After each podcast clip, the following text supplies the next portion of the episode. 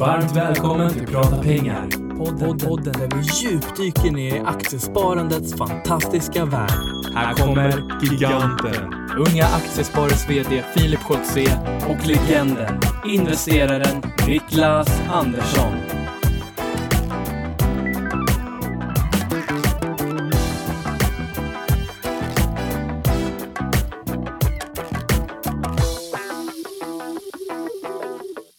Då säger vi äntligen måndag och varmt välkomna till podden Prata pengar. Det är avsnitt 49 Niklas. Nu närmar vi oss ettårsjubileum.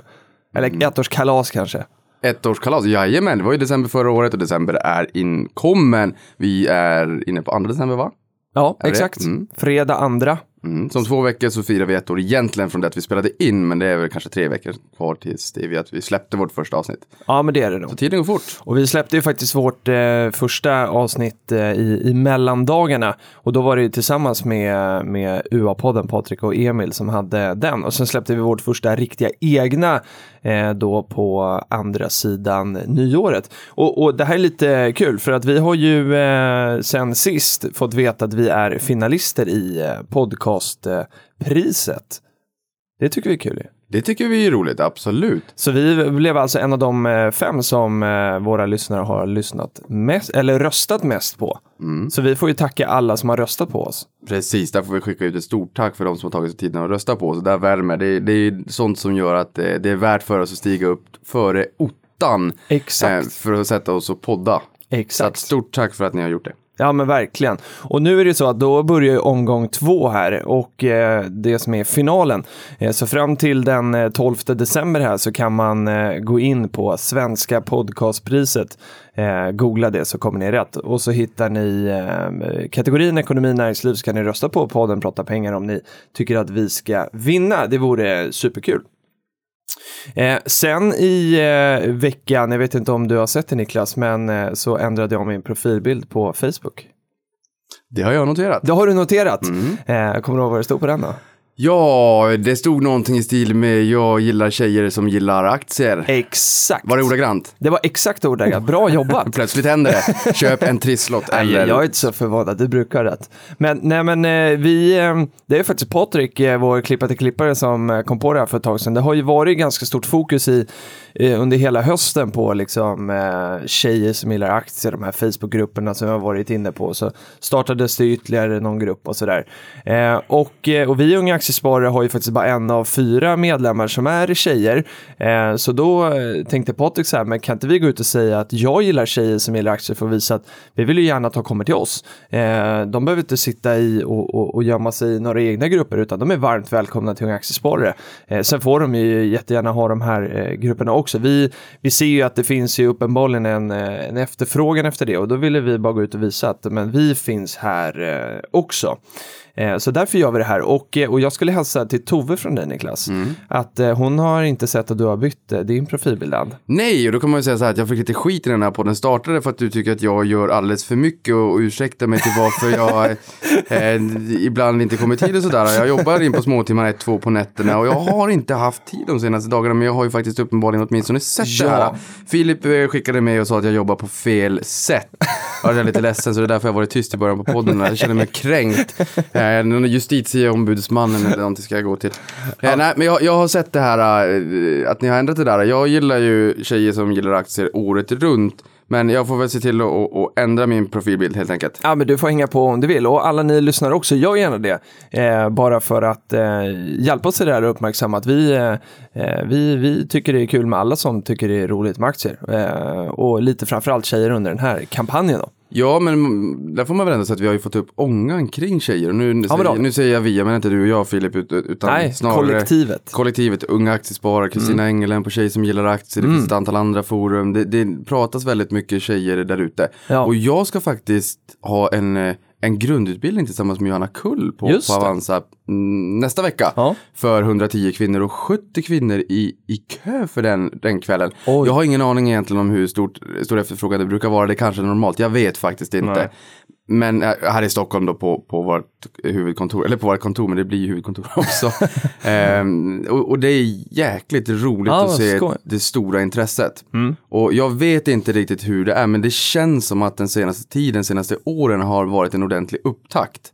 Rätta mig om jag har fel, men som du säger, det är en, en jäkla puls där ute bland tjejer. Eller så är det bara att de hörs och hittar, hittar till rätt forum på internet där man kan se att snacket går. Exakt, och det var ju lite så när du och jag var i Västerås eh, och träffade Kristina Engeland och hennes eh, Och ursäkta, jag la fredagen på att skotta upp bilen. Hej, Exakt. Om du lyssnar på det här Kristina så vet du att jag la hela min fredagkväll för jag la ut en liten bild på det där på Instagram. Ja, min fredagkväll handlade om att skotta fram min bil. Ja, det gjorde den. Det är kom evigt 50 tacksam centimeter för. snö. Ja, det gjorde det verkligen det. Och det är jag evigt eh, tacksam för, för vi hade en jättetrevlig lördag. Men då frågade vi de här Eh, kvinnorna som var där om de, om de uppskattade det forumet där det bara var kvinnor och så, eh, så gjorde de ju. De tyckte att det var, eh, var jätte, eller ett bra liksom, sammanhang för att det var, eh, det var inte så mycket machokillar som eh, skulle tycka så mycket och vi trodde att de kunde jättemycket och sådär. Eh, och det är väl det vi försöker liksom jobba bort eh, överlag och sen om man är kille eller tjej ska inte spela så stor roll. Så därför gör vi den här eh, kampanjen. Men nu Niklas är det hög tid att eh, säga varmt välkommen till dagens gäst Ja, du gör väl det. Varmt välkommen dagens gäst. som är Emily Fröberg. Tack. Hur är läget med dig? Det är bra. Gillar du tjejer som gillar aktier? Ja, Ja, det är väl självklart. Ja, Hon är, jag skulle säga att hon är jävig. ja du är lite, ja okej. Nej men det är helt okej. Tjejer kan också gilla tjejer som, som gillar aktier. Eh, vi ska kort introducera dig. Du och jag klev in i UA-världen eh, samtidigt kan man säga. Vem är Emily Fröberg? ja ehm, jag är forskare och lärare på Handelshögskolan. Ehm, vi satt i styrelsen tillsammans Exakt. mellan 2014 och 2016 till Precis. april där. Ehm, jag satt och tänkte på det här med tjejer som, eh, som gillar aktier. Jag var ju ganska ledsen över att jag inte upptäckte UA tidigare. Ehm, och det var väl egentligen det var Günther eh, som hade Sparpodd som gick ut och, och pratade om att de behövde folk till eh, förbundsstyrelsen. Och då var ju jag redan 28. Så jag upptäckte ju UA lite sent. Eh, kom in som extern eh, forskarexpert kan man säga. Eh, med, med intresse för aktier och investerare. Så kul att ni kommer igång med att hitta de här tjejerna tidigare. För det är jätte, jättekul att vara med i eh, UA. Ja, därför tar man lite stolthet för jag var med på kongressen Ja, det var du. kom in i styrelsen och likaså Filip.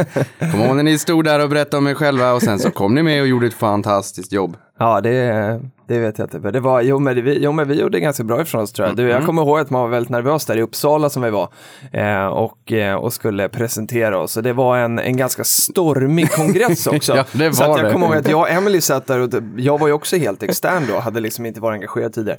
Så satt vi där och tittade på varandra och tänkte så vad fan har vi kommit någonstans egentligen? Men, men eh, tydligen var ju det en eh, anomali som man väl säger då, att eh, det, det hör inte till vanligheten. Eh, vi behöver inte gå mer in på det. Men på den... Eh, Det var inte jag. Nej, det var inte Niklas. På den kongressen så var ju också Günther och Jan där och körde sin spa-podden. Ehm, så lite kul att vi kan sitta här och i vår egna podd och blicka tillbaka till det. Men det var alltså via spa-podden som du hittade Tunga Aktiesparare då? Ja, Får vi tacka, tacka Günther en gång till då. Ja, Han har hjälpt många hit också. Ja, nej men på den tiden så lyssnade jag på den podden, inte längre. Men ehm, eh, det var, vissa saker var bättre förr och Jan och Günther gjorde ett fantastiskt jobb med den. Så att där vill jag också skicka med ett, ett stort tack. Den var faktiskt väldigt bra. Ja, det var det. Det var många timmar man lyssnade där. Det var det verkligen. Men eh, Emily, så här, hur, eh, vad har UA betytt för dig då? De här, eh, nu hann du inte vara med som Niklas då, från att man föddes i princip, utan liksom bara så på sluttampen. Eh, var det värt det? Vad, har du fått med dig någonting från UA? Ja, verkligen. Ehm, och, och det är alla personer som jag lärde känna under, under den tiden. Ehm, och, främst är det engagemang och den energi som jag får varje gång är, är verkligen eh, jättekul.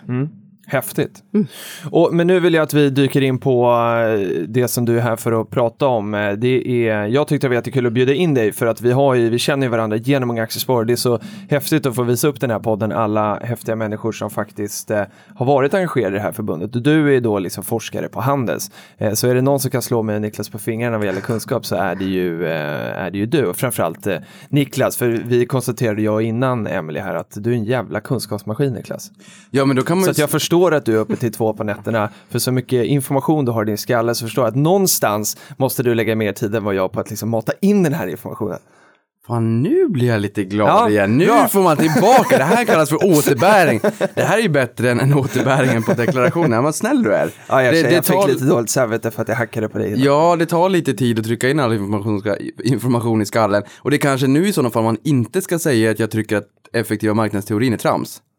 Nej, jag vet Men nu inte. har jag ju sagt det. Ja, nu har du sagt det. nu får jag stå för Vi får det. fråga Emelie, har du några kommentarer?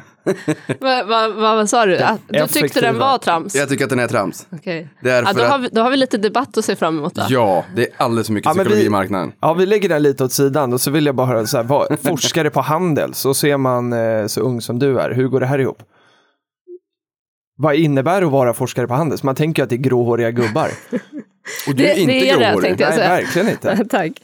Um, oj, jag blir lite... Vad var frågan Ja, men hur, hur det är vara Varför är jag inte gråhårig? Nej, nej. Han frågar hur det är att vara Jag är forskare nyfiken. bland gråhåriga gubbar. Nej, jag frågar egentligen, jag är nyfiken på hur är det att vara forskare på, vad innebär det att vara forskare på Handels? Ehm, nej, så jag, det var, jag gick egentligen direkt efter, eh, efter min master eh, och började doktorera. Eh, och då sätter man upp ett forskningsprojekt ehm, som, som kommer att mynna ut i en avhandling eh, som Niklas sitter och håller i just nu. Den, eh, den blev klar här i somras, eh, disputerade 3 oktober.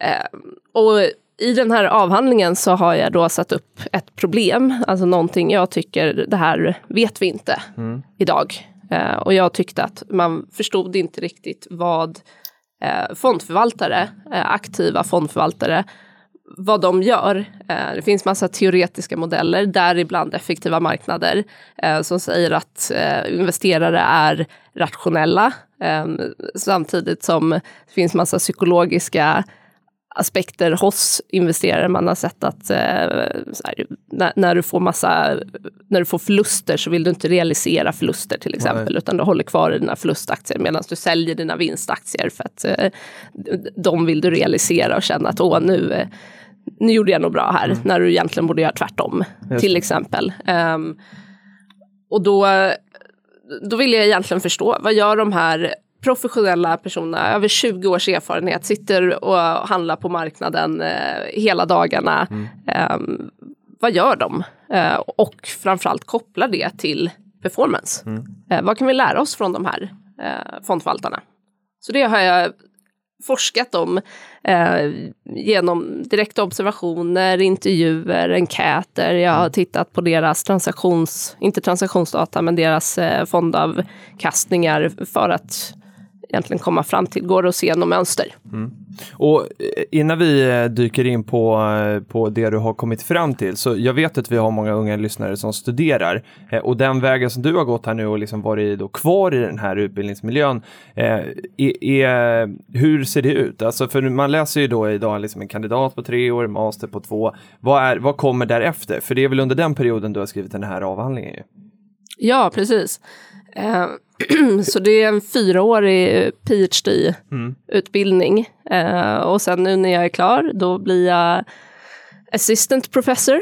Eh, så med, med mål då om att få anställning på skolan. Eh, och det betyder då att jag lägger eh, 70 procent ungefär på forskning, fortsätter att eh, hitta problem som jag tycker är Liksom, det, här vet, det här vet vi inte. Ehm, och, eh, och sen undervisar jag. Jag kommer undervisa i statistik. Eh, och kanske lite big data analytics. Det ligger ju lite grann i tiden. Verkligen. Big data. Inte statistik alltså. Ja, statistik ligger väl alltid i tiden. Men just big data är ju jäkligt spännande. Det började liksom med Coop-kort och ICA-kort och Ja. allt vad det var. Och kunna få den här kladdkakan och sprutgrädden som jag inte skulle erkänna att jag köper och det gör jag säkert inte heller. Men det är kanske andra som gör det. Och sen får man den här rabattkoden på, på det där och sen tänker oh vad de känner mig väl. Det där Ja, gillar ju exakt. jag. Och sen så är det precis för att man kanske köpte tidigare eller att Ja. man har analyserat ett mönster. Så just big data är ju väldigt spännande. Det får vi kanske återkomma till i, eh, i en framtida podd. Men eh, liksom, hur kom du fram till att du ville, det här ämnet som du har liksom tittat här nu på, hur kom du fram till att du skulle göra det? Det fanns en, en frustration hos mig. Eh, så att jag, gick, eh, jag gick på Handelshögskolan, jag pluggade redovisning. Jag läste jättemånga kurser i hur man sammanställer information om bolag i, redovis- i årsredovisningar. Jag läste också andra delen av det. Hur analyserar du den här redovisningsinformationen för att få ut en liksom, värdering av bolaget? Samtidigt så gick jag på KTH eh, och där läste jag finansiell matematik. Och där använde man istället optionsteori. Man simulerade aktiepriser, man brydde sig inte ett skit om de här, förlåt får man svära i? Ja, jag kör på va? man brydde sig inte alls om de här eh, årsredovisningarna. Nej. Eh, Så man hade väldigt olika syn på liksom, å ena sidan redovisningen, betydelsen av ra rapporter, information. Um, å andra sidan den här kvantitativa, vi kan använda historiska kurser, vi kan eh, liksom, teknisk analys, vi kan hitta, hitta ett Någon form av mönster. någon form av mönster utifrån det. Eller ännu mer, vi säger att de är helt slumpmässiga, eh, de här aktierörelserna. Så vi kan simulera det därifrån. Och sen kom, så gick jag i samband med det här när jag var så frustrerad över att varför får jag lära mig helt motsägande teorier här på mina utbildningar. Eh, Så tog jag också en kurs i ekonomisk psykologi eh, och behavioral finance där man börjar prata om då den tredje aspekten, de här individerna, investerarna, de drivs ju av massa tankefel och annat. Och då blev det ytterligare en tredje grej som inte gick ihop. Och det, och det gjorde mig frustrerad. och då ville jag gå in och liksom studera de här faktiska aktörerna på marknaden. De som lägger jättemycket pengar, de som faktiskt gör att de här marknaderna utvecklas på vissa sätt. Ehm, så det var bakgrunden till, var till bakgrunden. mitt intresse Vad i det här. intressant. Ja, det kan jag väl säga att jag har gjort en fem minuters analys här och då säger jag att behavioral finance kommer vara ännu viktigare i framtiden. Och jag tror att det beror någonstans på att förr i tiden, om vi backar bak 50 år, så var finansmarknaden, aktiemarknaden öppen för en ganska få skara individer och förmodligen ofta på ganska professionell basis. Och jag vet inte, men jag kan tro att man förvaltar pengar på ett annorlunda sätt när det är andras pengar. Jag skulle inte göra det. Men jag tror att det i, i marknaden finns, alltså att man skulle kunna generalisera och säga att det är så. Och i takt med att eh, Avanza Nordnet har liberaliserat och revolutionerat svensk sparmarknad så har man ju också gjort att många småsparare kommer in i marknaden och det gör att de är ju inte lika vana. Man får ju ont i magen på ett annat sätt. Det blir mer psykologi Verkligen. och mera rädsla, mera känslor. Och det tror jag kommer göra att just den här tredje biten som du pratar om, just behavioral finance, att den kommer vara ännu viktigare. Och då är det de här tankefällorna. Vi har haft, eh, Elin Helander känner du ju, i- känner du igen skulle jag säga, men du känner ju faktiskt henne. Mm, vi Eh, träffades i förrgår senast. Ja, vad trevligt. Ja. Hon har ju varit här två gånger och pratat just det här om tankefällor och liksom hur hjärnan spökar. Och det, och det är det som är så intressant tycker jag, att, att eh, man kan hålla på och simulera hur mycket coola modeller som helst, men det är någonstans så kan man bemästra sin egen skalle eh, så kommer man nog liksom väldigt långt. Så. Men eh, den här eh, boken, fina boken som ligger framför, jag fick den här på posten och blev helt eh, överlycklig här i, i eh, tidigare i år. Den är ju superfin, så där såg inte min kandidatuppsats ut kan jag lova. så hade du pluggat några år till. Vad, vad, eh, vad ska man som liksom privatsparare dra ut från den här? Vad är det mest intressanta som du har kommit fram till som du tror att våra lyssnare har faktiskt nytta av att veta? Och rubriken Ja. Seeking Alpha. Ska vi berätta vad Eh, alfa är? Ja, det här är ju, det här är också, det, det finns ju även en sida som heter Ja, Seeking exakt. Alpha som är jättestor i USA. Men just alfa, överavkastningen, så det här är- det, det är ju en, en spännande titel. Jag är hooked redan på titeln. Ja, verkligen. Det är så, and finding Ja, it. det är det vi ska hitta nu med, med Emelies hjälp. Hur hittar vi det här? Så, avhandlingen är egentligen uppdelad i två delar. Där den första delen handlar om hur de här fondförvaltarna söker alfa. Vad är det de gör? Hur inhämtar de information i sitt dagliga arbete? Eh, och i den andra delen så tittar jag då på, då, givet att de inhämtar information på vissa sätt, hur kopplar det till performance? Och då ser jag att eh, ehm, den koppling som finns, de som hittar alfa, de har direktkontakt med företagsledningen. Okej. Ehm, mer ofta än andra, men inte för ofta. Pratar vi om analytikermassage nu? Som brukar vara en term i branschen att analytikerna får komma på exklusiva träffar och träffa ledningen och få en annan bild informationsmässigt än vi småsparare. Exakt. Ehm, och, och specifikt då när det är att fondförvaltarna träffar ledningen. Så att vi kan prata om fondförvaltare eh, som sitter på fondbolag. Sen har vi investment bankerna, säljsidan. eh, Ska vi där- förklara säljsidan snabbt bara, för det är inget Så sälj, säljsidan är, där sitter egentligen analytiker, traders och mäklare. Mm. Eh, och det de gör det är att de säljer tjänster till köpsidan. Köpsidan är egentligen fondbolagen. Så de Ehm. säljer analyser, och, för de vill få igång transaktionerna ju, för då tjänar de courtage och sådär. Och nu har jag en klok grej att säga. Jag skulle bara vilja säga att när man har, jag har ju också varit med i, i många år i den här branschen och varit på hundratalet träffar. Och det jag kan säga är att just det här med kroppsspråk är otroligt viktigt på det här temat. Det är inte sällan, det har hänt vid ett flertal tillfällen att jag har träffat eh, representanter, vdar eh, för det mesta då för bolag. Där man inte får säga, för man får ju inte säga information som inte är given till marknaden. Ehm, men jag har läst någonstans att 60-70% av det man säger går via kroppsspråk. om, om man frågar en vd om, om rapporten är bra och han självklart, han eller hon självklart inte svarar på det, men smilbandet går upp nästan upp över hårfästet, då förstår man att det är bra och det har varit rapporter där det har smält på rapportdagarna ordentligt uppåt. Och man har vetat det långt i förväg, jag har självklart inte handlat på till informationen. Men det är intressant att se liksom vad, och då kan jag tänka mig vad analytikerna som är initierade, som är proffs på det här och exakt vet vad, vilka frågor de ska ställa, vilka frågor de inte får svar på, hur man kan gå runt och ställa andra frågor för att indirekt få svar på sin fråga och kolla eh, reaktioner. Så det är väldigt spännande det här med analytikermassage. Samtidigt som det, det jag också ser det är att de här Alltså om informationen går via analytiker. Eh, så man har ju sett att analytiker på säljsidan, de tycker ju också att företagsledningen är den viktigaste källan. Det tycker egentligen alla marknadsaktörer. Företagsledningen, att, att få sitta och se kroppsspråket, allt det här, det, det är det absolut bästa. Ehm, men när informationen går via säljsidan, då har den en direkt negativ effekt på fondens resultat. Och då skulle man kunna säga att det kanske finns någon fördröjning i informationen eller att informationen förvanskas för att den här analytikern lägger på egna saker på det. Ehm, eller att det är då mer kostnader kopplat till att den går via säljsidan. Då skulle man kunna säga att ju längre från källan man kommer desto mera tvättad och, blir och sminkad blir informationen. Men, men då, och de som, har, de som du har tittat på, har det bara varit eh, förvaltare då som förvaltar aktiva fonder som söker alfa då, eller överavkastning som vill slå sitt index? Ja, Ja. Vill inte alla det?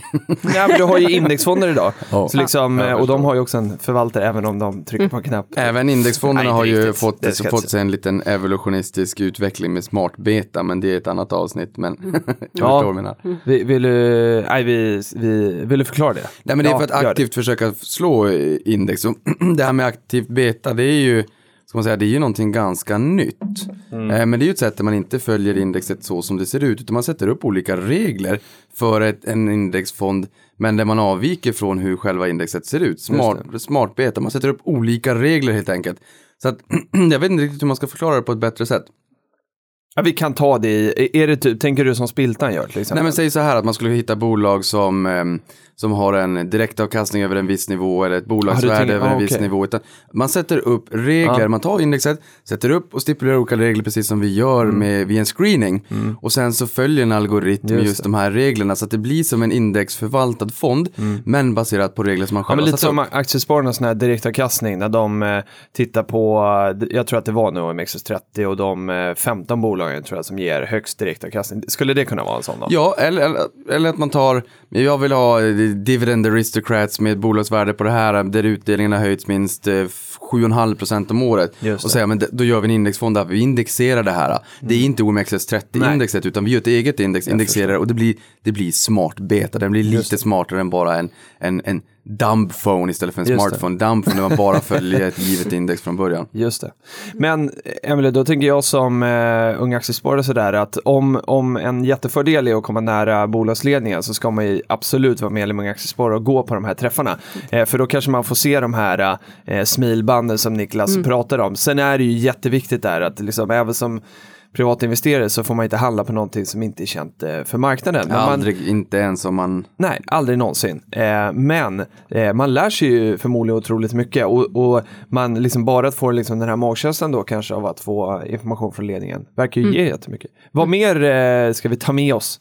Ja, så att ehm, i avhandlingen, jag har ju läst över tusen andra studier Ja, också för att sa- sammanställa det här.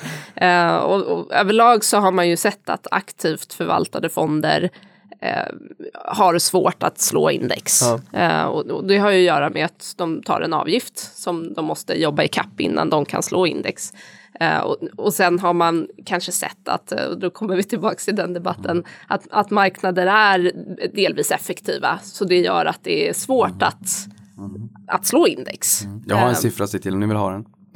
Emelie, kan inte du bara snabbt, innan Niklas säger det, förklara vad effektiva marknaden är? Så att effektiva marknader innebär att all information, all publik information är diskonterad på marknaden, alltså Inräknad i inräknad priset. i priset.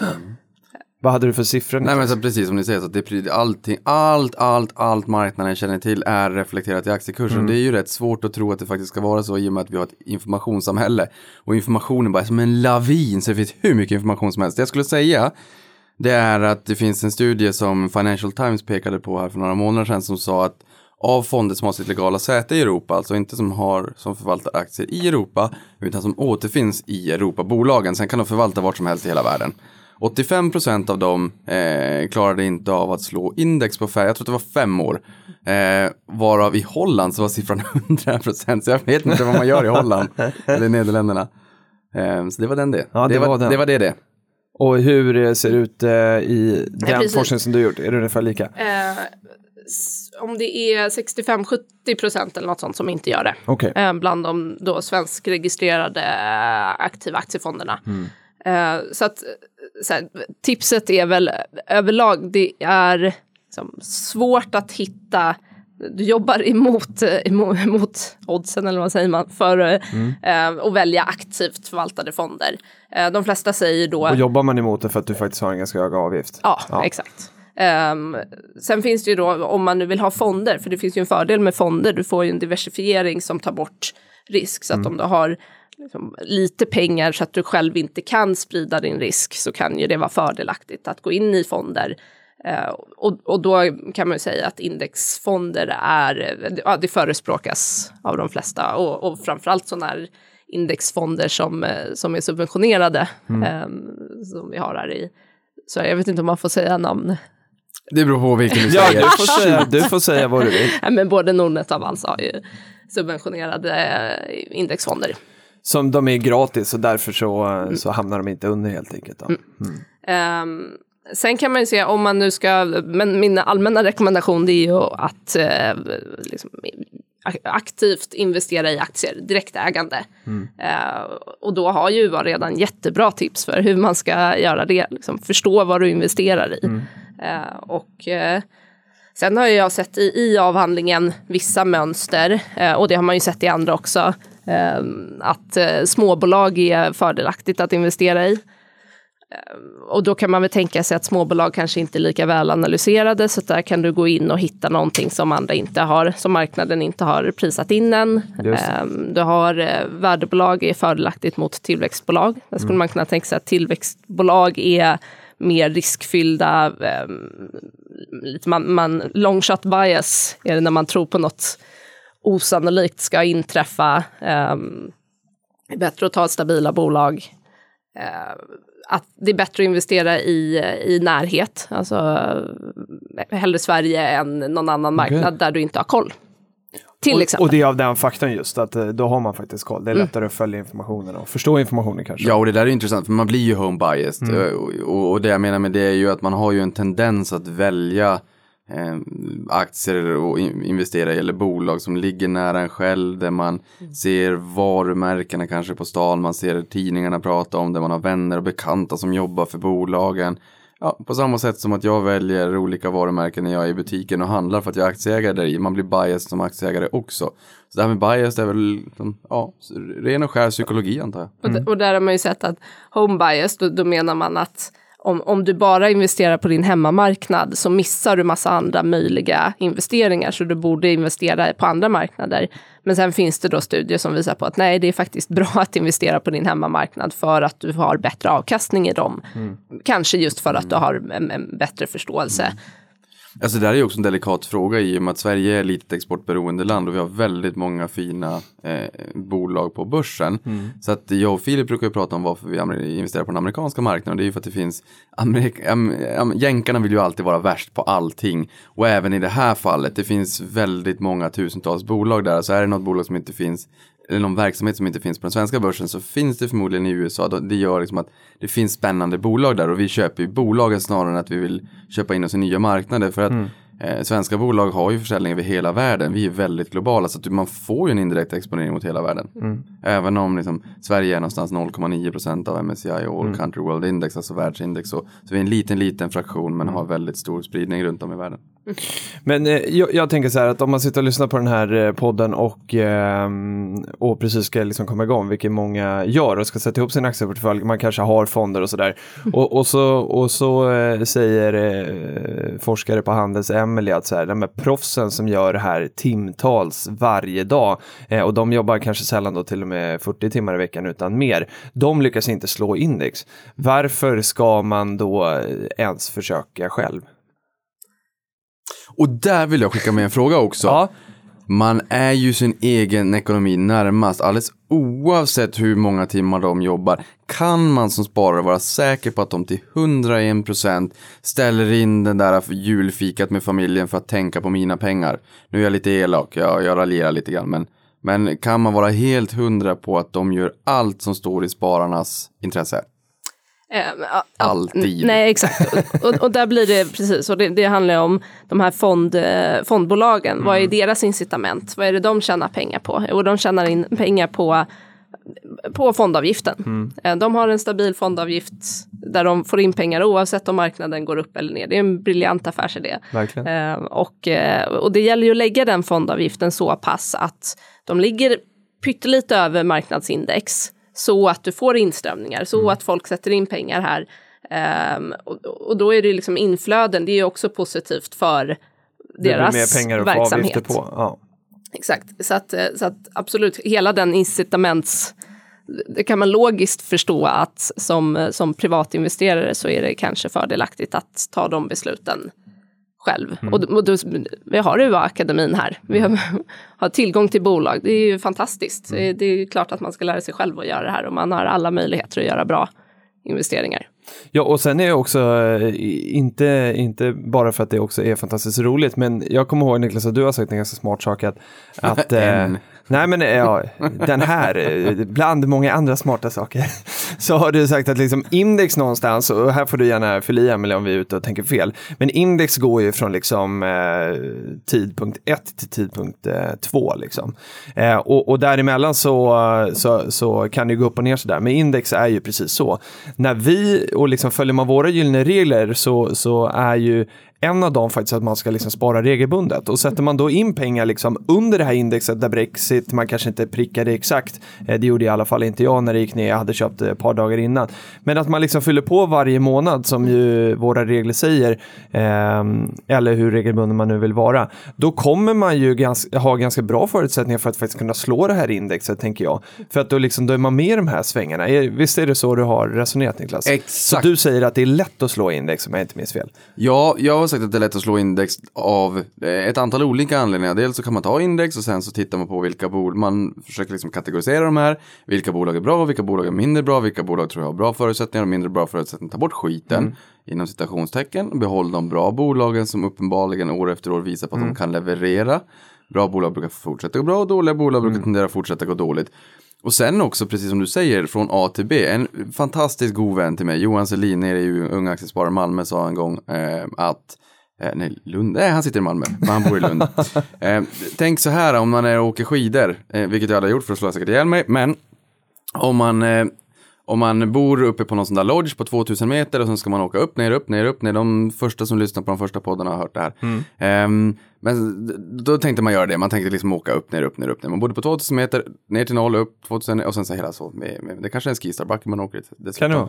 Ehm, men om man då kommer ut på morgonen och känner så här, oh, åh, vad, vad pigg och så här, oh, vad, vad skönt att komma ut och nu ska jag börja åka skidor. Så ser man det här stora berget där borta, fan, det är 3000 meter. Det är där jag vill börja åka. Och så åker man där istället, upp, ner, upp, ner, upp, ner och sen så går man på afterski och så går man och sover.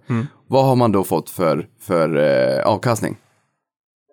Ja, Bra. Ja, ingen alls. Du startar på 2000 meter, Ja, du du slutar tänker på så, 2000 ja, det, meter. ja, det är upp och ner, upp och ner, det är bara volatilitet. Du tänkte så, ja, Ja, ja. du, du startar och slutar på samma nivå. Eh, så det, det vi ville säga här också, det är ju att man faktiskt kan följa med i index och köpa på sig när det skakar lite grann. Eh, så att förutom att försöka hitta de bolagen som är bra, och då kan man tycka, "Ha, hm, hm, det är inte så enkelt, det försöker förvaltarna också göra. Jo, men de ska mer eller mindre alltid ligga investerade. Det gör jag också förvisso. Ja. Men man kan tajma på ett helt annat sätt. Och jag menar, vet du hur många gånger det här året som vi har haft svängningar över en årsavkastning? Flera. Ja, det är en tre, fyra stycken. Jag har mätt hela året och ska göra någonting av det här alls. Jag har mätt varenda rörelse under 2016. Upp, ner, upp, ner, upp, ner. Och över 5% är ett dussintal. Det är hur många som helst. Och över en årsavkastning, alltså över 10%, det är ett flertal. Det går att räkna på en hand, men jag tror att det är en fyra, fem stycken. Så att en jädra volatilitet.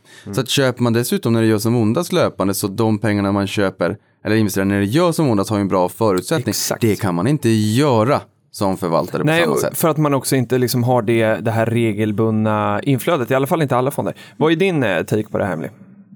Håller du med oss? Jag håller med. Det var bra. Bra liknelse. Ja, men bra. Då gör vi så här, vi går in på nästa fråga. Eh, vi eh, eh, är lite nyfikna såklart på vem Emily är som eh, investerare. Ja, men då, då hoppar ju du en punkt här som är den viktigaste för mig. Ja, ja, ja, nej men vi kommer till det. Jag bara Okej. slänger om lite i, liksom, i, i ordningen. Men vi kan ta... Filip är vill, förvirrad. vill du ta den första? Ska vi göra det? Vi- Ja, men vi gör så nu. Ja.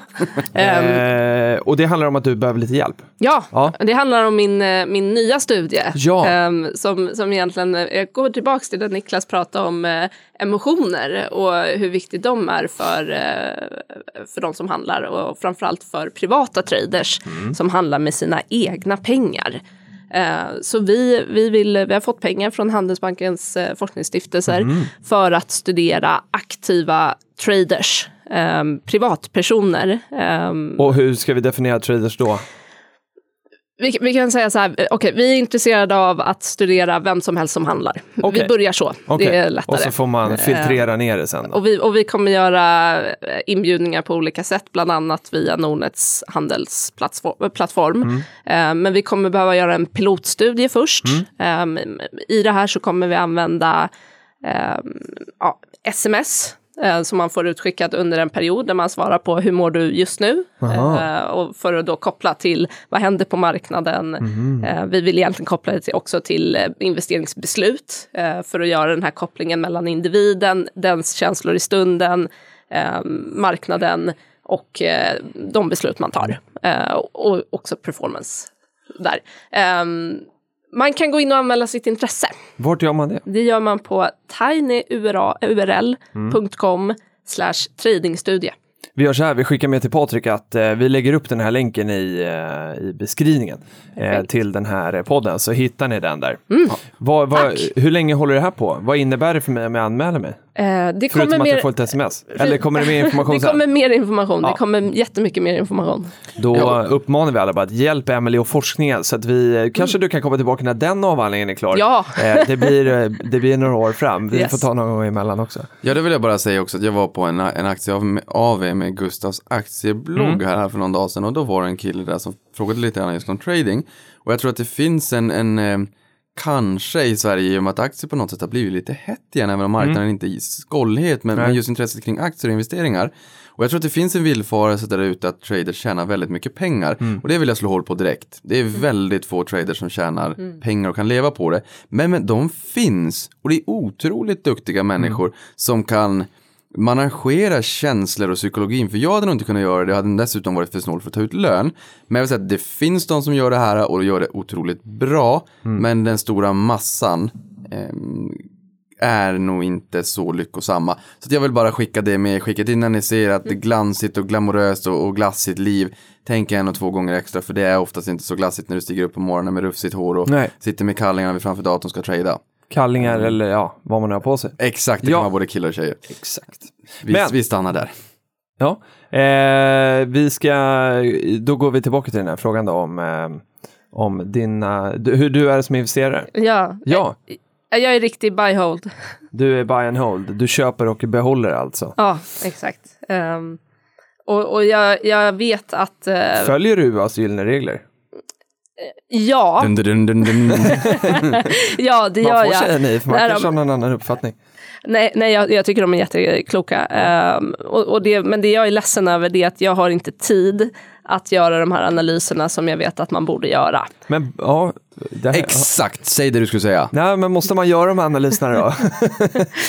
Eh, Jag gör det ju inte. Nej, Ehm, men går det, du handlar aktier ändå? Eh, Jag ligger på plus. Jag Ja. går säkert sämre än index. Det gör inte mig någonting. Jag tjänar pengar på att ha pengar Mm. i aktier. Ehm, och, och jag investerar i sånt som jag tycker är ganska tryggt. Och sen ligger det där och jag gör det vid eh, eh, regelbundet. Ja, det gör det. Ehm, Då Ja. tror jag att långsiktigt att det kommer slå index.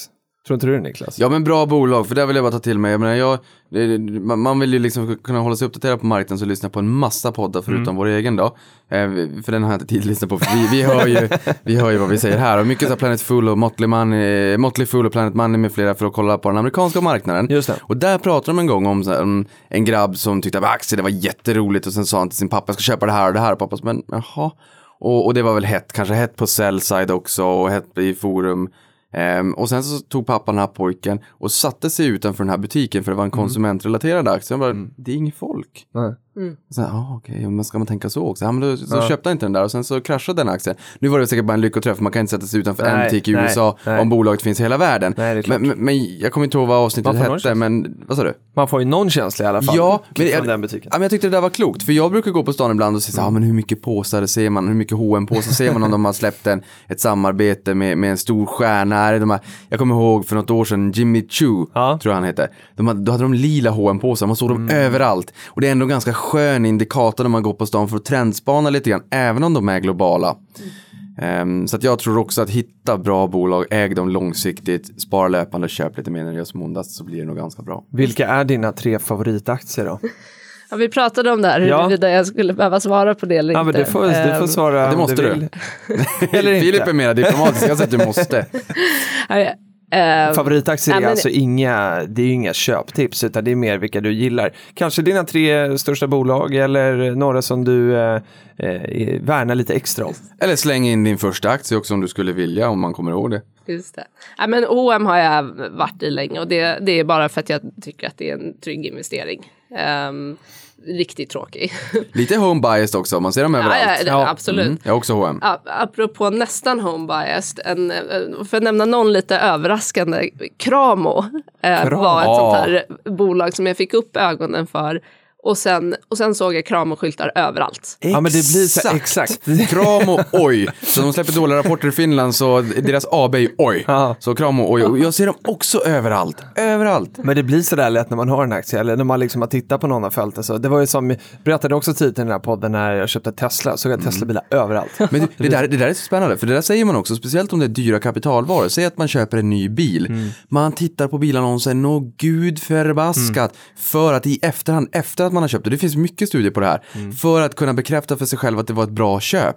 Om det är så att jag går och klipper mig, ja i och för sig förra gången jag gick och klippte mig var jag riktigt besviken för de frågade, ser det bra ut? Ja, säger jag som, som det här svensk mellanmjölk och säger att det var, såg för jävligt ut. Men det växer ju ut. Ja. Men, men i det här fallet, man, man vill bekräfta något överjäkligt. Kolla på bostäder, samma sak. Folk sitter och tittar på Ja, kvadratmeterpriser visst. i ett. Ja. Bara för att se, går det upp eller går det ner? Speciellt när man har köpt, för det är en stor affär.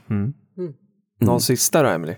Jo, ja, den har jag dragit för, eh, för UVA förut, men eh, vi hade en sån här när Ja, förbundsstyrelsen det. var ny så skulle man säga en favoritaktie. Och då blev det så att de som inte skickade in det här i tid, de fick kycklingbolaget som eh, auto Scandi Standard. Min lillebrorsa kallar dem för kycklingpojkarna. Jag har ingen aning om varför. Men, eh, men eh, det finns ganska bra case kring varför kyckling skulle vara en, en bra grej. Så jag får väl säga ky- kycklingbolaget är ett Vad spännande. Och där får man ju säga, det har ju kommit in i dålig information kring, vad, vad är det kyckling, vad, är det, det är någon sån här sjukdom som har kommit nu? Jag vet inte. Nej. Vi kallar det kycklingsjuka. Ja, vi kallar det för kycklingsjukan. Men det är ungefär som när, eh, nej det vill jag inte säga för det är ett bolag jag äger, jag vill inte bära som mina bolag. Men i alla fall, eh, det, det kom in dålig information för att det är någon, någon, någon sjukdom som sprids nu i kyckling. Och det är så här, det behöver ju inte, det här ska det standard ut och sagt, det har inte drabbat oss, men aktien är ner ändå. Och där kan man precis det här psykologi vi pratar om, när det är någonting dåligt i marknaden som, som slår på flera bolag, men om det är så att ett bolag är kanske kvalitativt, eller ja, det har ju ingenting med saken att göra, men säg att bolaget inte är drabbat, då kanske man ska passa på. Faktiskt. Det är ju som Chipotle i USA, de är jätte, jätte, jätte, jättemycket efter att de fick ett utbrott av E. coli, ma- matförgiftning. Jag tror att de är ner 40% på ett år för att de har inte liksom lyckats återvinna Nej. förtroendet bland kunderna. Och tror man att ett sånt bolag ska överleva långsiktigt, ja det eller någon annat bolag som har varit inne i en sån här fadäs. Det är kanske då man ska köpa. Scandi Standard går ner nu på en oro i branschen och inte för att det har varit problem kring det specifika bolaget. Och kanske då man ska köpa i såna här lägen.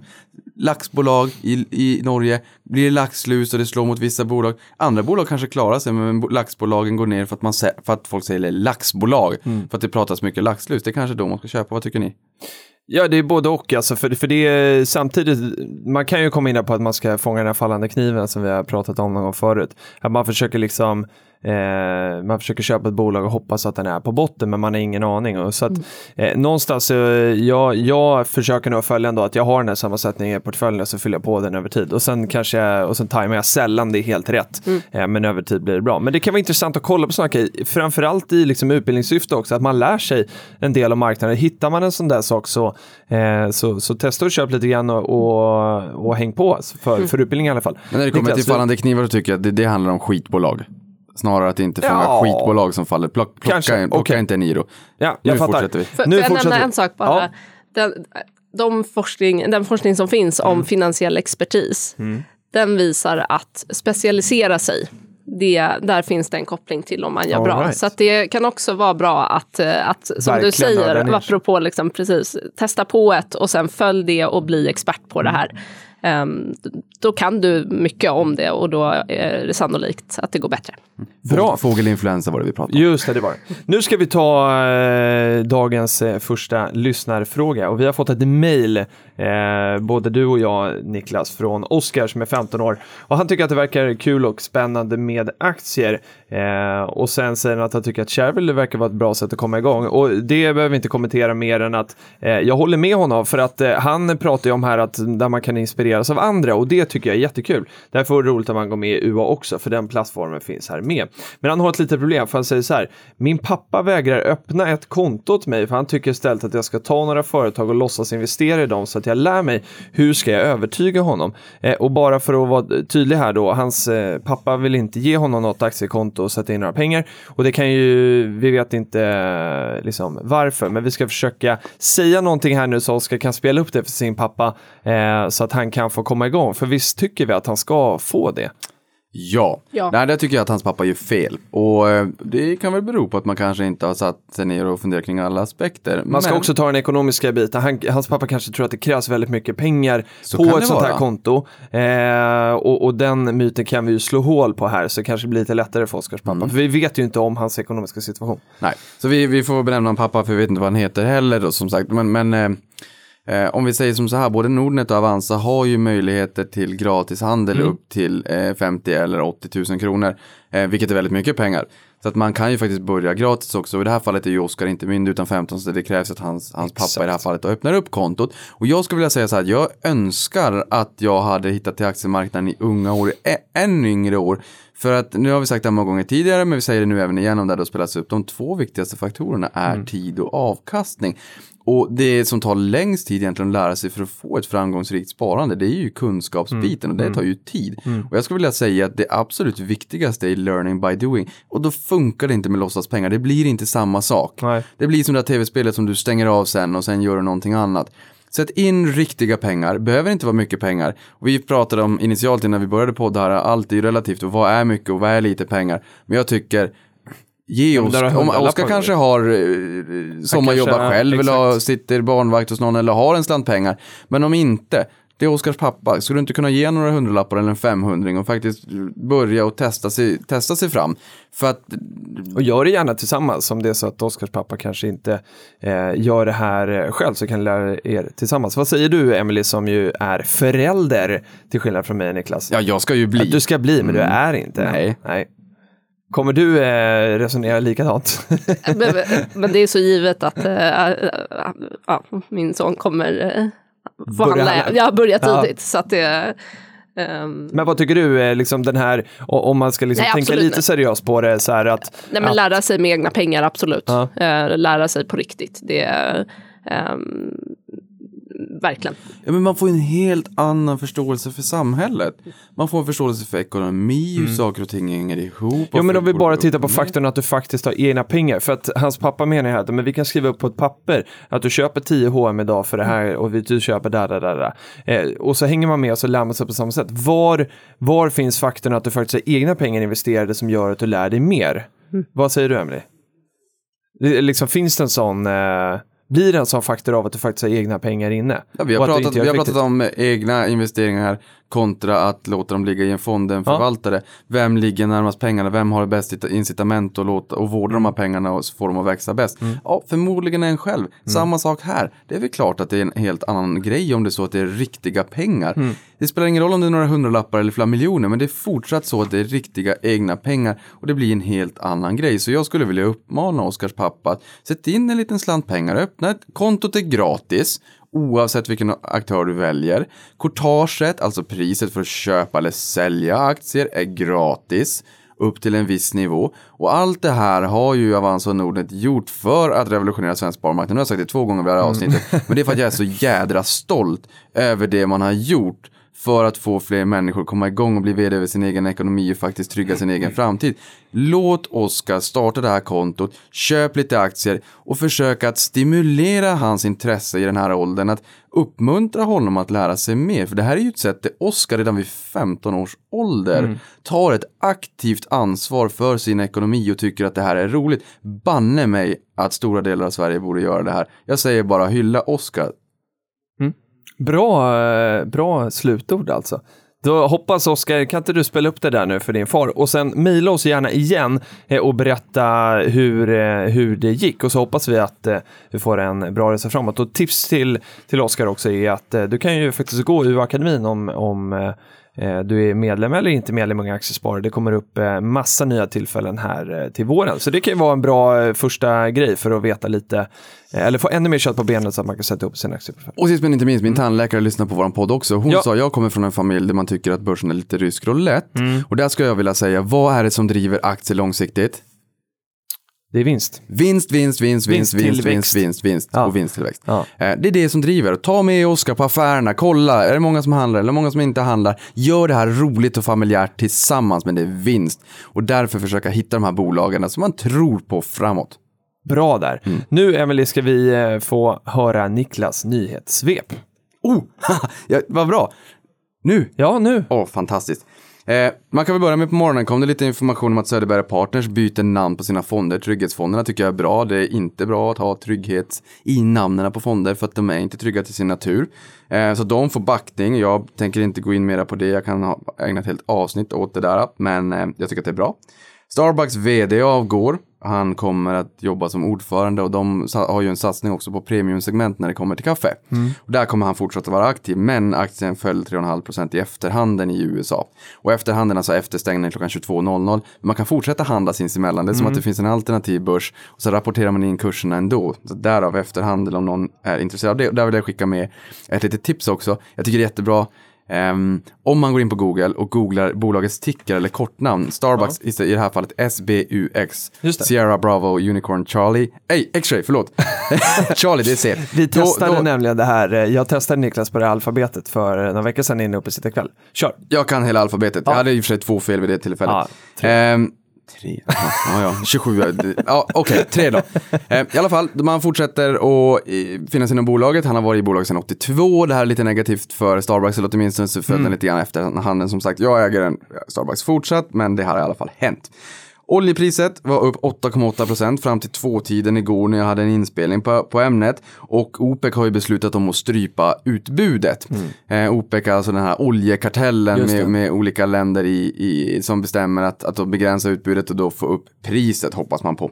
Och där kan man ju också se att oljan är upp 80% eller över 80% sedan den 20 januari när den bottnade på 27 dollar fatet. Nu är den upp över 50 dollar fatet. Netflix har kommit med ett offline-läge tydligen igår. Som man ska kunna se offline. Mm, jag såg Tacka det. vet jag, datamängden kommer finnas kvar i mobilen. Ja, det där är faktiskt riktigt, riktigt bra. Jag tror, via, eh, jag tror att det var via Play och sådär som var ganska tidiga med det i sin eh, motsvarande app. Och då vill jag fråga, hur kommer telekombolagen kunna tjäna pengar? Om man inte gör en, eh, en, eh, ett samgående som AT&T och Time Warner, om det är så att man, man inte kommer kunna ta betalt för röstsamtal, Nej. för där finns det alla möjliga uppsjö, allehanda eh, funktioner som man kommer ifrån det. Man kommer inte kunna ta betalt för sms och Mm. Nej. datamängden, nu kör ju Netflix offline-läge, hur tusen ska de tjäna pengar? Det kan du svara inte. på. Nej, Nej, Big Mac-burgarens grundare Jim Delegati är död. Ehm, tack för Big Mac Index och tack för det du har gjort. Ehm, ja, Han har mättat våra många, många Ja, gånger. i det här fallet skulle jag väl säga att jag älskar Max, men det ska man inte säga i det här fallet. Nu hedrar vi honom med en tyst sekund. Så, Nestlé kapar socker till sina produkter med 40% som kommer in här om något år. Och man säger att det kommer smaka exakt likadant. Wow, säger jag efter att ha sett sockerdokumentären. Eh, och inser att det är hur mycket socker i allt vi Ja. äter. Det kan man snacka om falskt förvaltade livsmedel. eh, Walt Disney mot sitt bästa år någonsin, med bästa bioår någonsin. Ja, eh, där har vi topline, alltså omsättningen eller försäljningen och vinsten som då har stigit sex år i rad och utdelningen steg 9,85 procent. Eh, Domino's Pizza, PR, public, eh, det är så här, marknadsföringen där är fantastisk. Det var det första bolaget som jag sa här för några veckor sedan som eh, levererade pizza via drönare. Vet ni vad deras nästa steg är? Nej. Pam, pam, pam. De ska leverera pizza via renar i, kring juletider i Japan. Där finns det filmer på eh, YouTube och på nätet då när man tränar japaner och sköta sin rensläde. Det, det är ganska roligt, det är många som tittar på det för att det är roligt. Det är fantastisk eh, PR och Domino's Pizza är noterat. Ni har gjort det jättebra Domino's om ni skulle lyssna på det här. Det tror jag inte för ni förstår inte svenska. Kanske. Dr. Pepper Snapple är börsnoterat och jag hade en sån där Snapple hemma. Det smakade fruktansvärt, men i alla fall. Så i korken, så på baksidan av korken, vet ni vad det stod där? Nej. Like fingerprints, everyone's tongue print is different. Jaha. Och då tänker jag så här, i en Dr. Snapple Pepper Ja. som är börsnoterat i USA, i en Schnapple, Schnapple eller vad det heter, dricka, så står alltså eh, Fingerprints nästa affärsområde. Tungan. Hoppas man inte har delade tungsensorer. eh, där kan man också säga att eh, Fingerprint har ju då kommit med sina smarta kort. Jag blir li- och då, då var det som fans på, eh, på Twitter som då älskar Fingerprint som skrev Oh, äntligen! Ja, men jag är inte lika imponerad för jag vet inte om man kommer gå runt med smarta kort eller om man kommer vilja ha allt i telefonen. Det se. återstår att se, men det är ju minst sagt ett spännande bolag i alla fall som har rivit, rivit om i, i svensk spargryta. Så Verkligen. Fortsatt spännande att se vad som händer där framåt. Och sist men inte minst, rally småbolag, amerikanska småbolag. Då tänker jag på Russell 2000. Just det. Där man ligger in och de här bolagen, skulle man kika på dem så är de nog inte så små i, eh, i relation till om man skulle sätta det till, mot svenska bolag. Skulle de nog vara ganska stora. Men man har ju pratat om skatteamnesti i USA och att eh, stora bolag, eh, Microsoft, eh, Apple, eh, Starbucks med flera Mm. har väldigt mycket pengar utomlands. Det är så 10, 20, 30, 40, 50 tusentals miljarder. Så det är enorma summor pengar. Och om man tar tillbaka dem där så kan man få en liten deal på det där att man blir lite mindre skatt. Och sen så vill Donald Trump sänka skatten för alla i USA. Och bolag som är mindre, som aldrig har tagit sig ut i vida världen, Mm. exponeras ju för en lägre skatt rakt av. Och det har marknaden diskonterat. Och jäklar vilket rally det har varit. Det som en av flera faktorer ska sägas. Bra Niklas, vilket eh, nyhetssvep och väldigt mycket eh, USA-tema. Det är kul. Du vill jag säga att jag hade ingen nyhetssvep när jag kom hit. Det här har Nej, jag skrivit vet. under tiden vi har poddat. Ja, det är fan eh, fantastiskt alltså. Vad effektivt. Ja. Nu, nu får jag ta tillbaka det här att du inte jobbar på rätt sätt då helt enkelt. För det gör du ju på Äntligen plötsligt händer det. kan göra en bra podd och ändå liksom eh, producera sånt där samtidigt. Jättebra. Tack Niklas! Och jättetack till dig eh, Emelie, det var jättekul att ha dig här. Eh, vi eh, påminner igen om här att, att söka till eh, det här projektet du kommer göra i nästa avhandling eh, och länken finns eh, till det här avsnittet. Och sen glöm inte att rösta på, på oss i Svenska podcastpriset. Det hade varit jätte, jättekul eh, så att vi får liksom fler som kan lära sig att eh, prata pengar och eh, hitta överavkastning, seeking alpha som vi har lärt oss idag. Ja, om man vill ha den där också, tänker Ja. jag. Borde man ju kunna ladda ner den. Den är, en, den är väl publik va? Det Ja, brukar ja. vara Ja, publik. den är det. Eh, ska vi göra...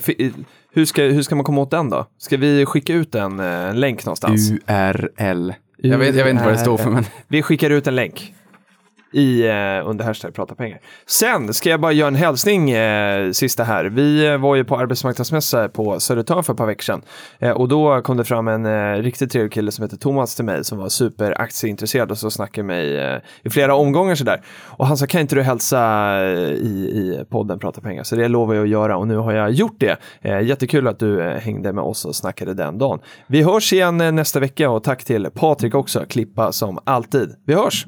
Adios amigos. Hej!